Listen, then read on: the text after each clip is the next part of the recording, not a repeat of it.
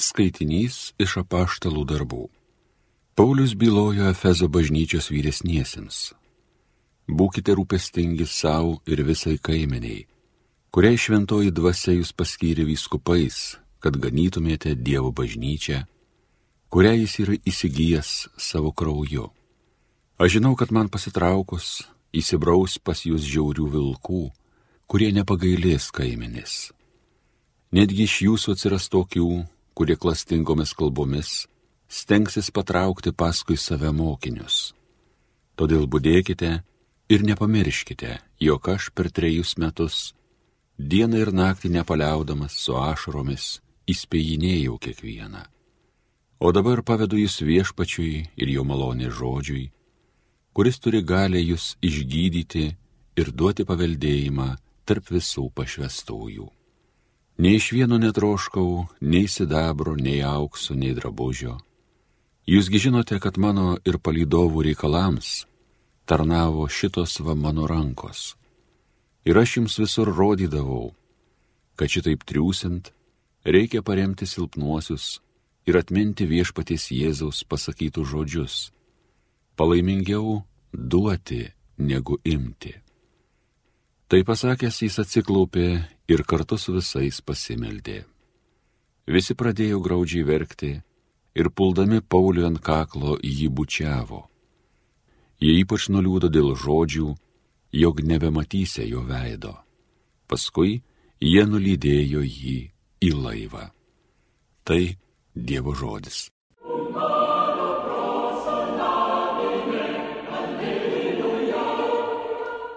Pasaulio valstybės gėdokite Dievui.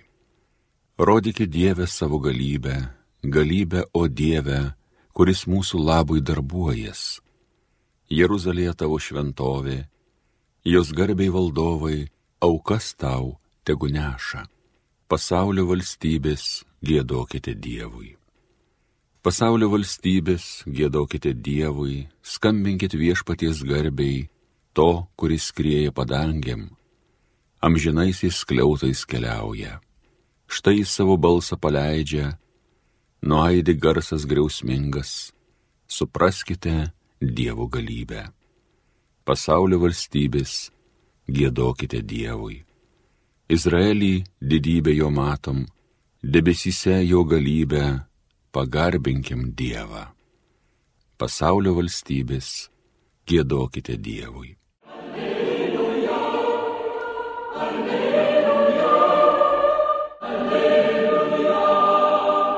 Tavo žodis viešpatie yra tiesa, pašventink juos tiesa. Alleluja, alleluja, alleluja. Iš Evangelijos pagal Joną. Jėzus pakėlė akis į dangų ir prabilo. Aš jau nebe pasaulyje, jie dar pasaulyje, o aš grįžtu pas tave. Šventasis tėve, išlaikyk ištikimus savo vardui visus, kuriuos esi man pavedęs, kad jie būtų viena kaip ir mes. Kol buvau su jais, tavo man pavestaisiais, aš išlaikiau juos ištikimus tavo vardui. Išsaugojau juos ir nei vienas iš jų nepražuvo, išskyrus pražūties sūnų taip išsipildė raštas.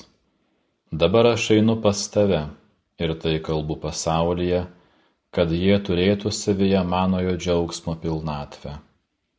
Aš jiems perdaviau tavo žodį, bet pasaulis jų nekenti, nes jie ne iš pasaulio, kaip ir aš ne iš pasaulio. Aš neprašau, kad juos paimtum iš pasaulio, bet kad apsaugotum juos nuo piktojo. Jie nėra iš pasaulio, kaip ir aš ne iš pasaulio. Pašventink juos tiesa. Tavo žodis yra tiesa. Kaip tu esi mane atsiuntęs į pasaulį, taip ir aš juos pasiunčiau į pasaulį. Dėl jų aš pašventinu save, kad ir jie būtų pašventinti tiesa.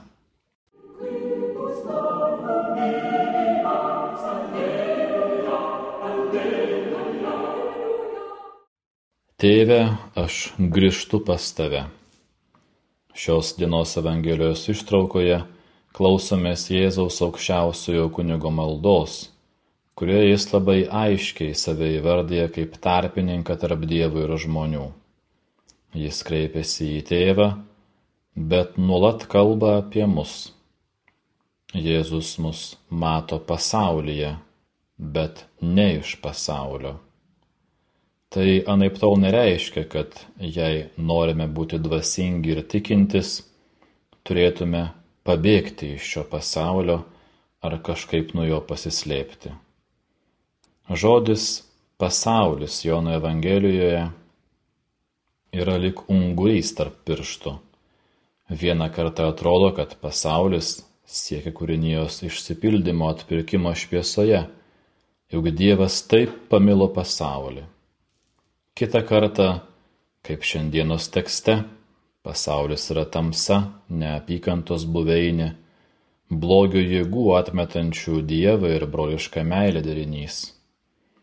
Dėl šio dvilipumo atsirado dvi abejotinos reputacijos dvasinio gyvenimo kryptis - bėgimas nuo pasaulio ir pasinerimas į pasaulį. Iš pirmo žvilgsnio gali pasirodyti, kad Jėzus, kad Jėzų maldoje tiesiog persekioja pasaulio blogis. Jis apie jį kalba devynis kartus. Nepaisant to, jis mus siunčia į šį pasaulį gyventi pagal jo Evangeliją. Jis nori, kad mes būtume šiame pasaulyje, o ne kokiame nors šiltnamyje. Aš neprašau, kad juos paimtum iš pasaulio. Jėzus yra realistas, jis mus labai gerai pažįsta. Jis žino, kad mes šiame blogio apimtame pasaulyje neliksime nesusitepę. Evangelijos vaikai niekada nesijaus patogiai pasaulyje, juos visada persekios mintis, kad jie juda prieš eismą vienpusio eismo gatvėje. Pažinodamas mus ir pasaulį, Jėzus prašo tėvą, šventasis tėve, kaip tu mane siuntėjai į pasaulį, taip ir aš juos siunčiu į pasaulį, saugok juos nuo pikto, pašventink juos tiesa. Ši tiesa yra pats Jėzus, tai yra jo asmuo, tai tarpininkas atskleidžiantis tiesą apie Dievą ir tiesą apie mūsų žmogiškumą. Jis vienintelis žino Dievo planą ir visas mūsų negandas. Jis žino, kad pasaulyje, kuriame apstu pavojingų vilionių ir neapykantos bus klaidingų pasirinkimų, tokių kaip pražūties sūnų. Taip pildosi raštas, tačiau ne bauginančio scenarijaus prasme, kuriame Dievas iš anksto numatė išdaviką, bet begalinės Dievo pagarbos žmogaus laisvai prasme. Dievas nesukūrė užprogramuotų robotų. Žmogus gali su Dievo pagalba išsilaisvinti iš nuodėmės arba visiškai jai pasiduoti. Kiekvienas galime tapti pražūties sunumi. Šioje jaudinančioje Jėzaus užtarimo maldoje aiškiai juntamas nerimas ir įtampa. Jėzus aiškiai suvokia, kad siunčia mus į kovą tam, kad pražūties būklė virstų malonės vieta.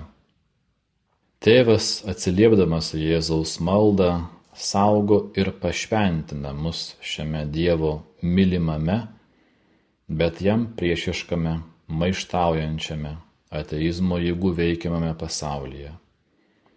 Jis mūsų neatskiria nuo šio pasaulio, neizoliuoja į kažkokį tikėjimo ir vilties burbulą, bet šio pasaulio melo akivaizdoje stiprina mus savo tiesos dvasia, nuolat skiepėja mus nuo proto ir širdies užkratų, saugo mus nuo liūdėsio ir nusivylimų.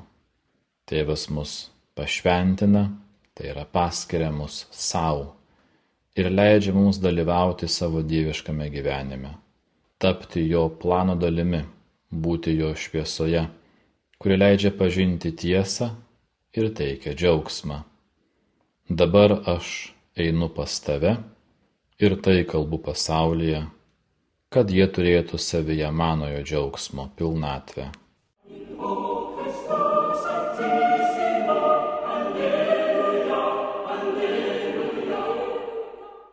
Homilija sakė kunigas Vladimir Solovėjai.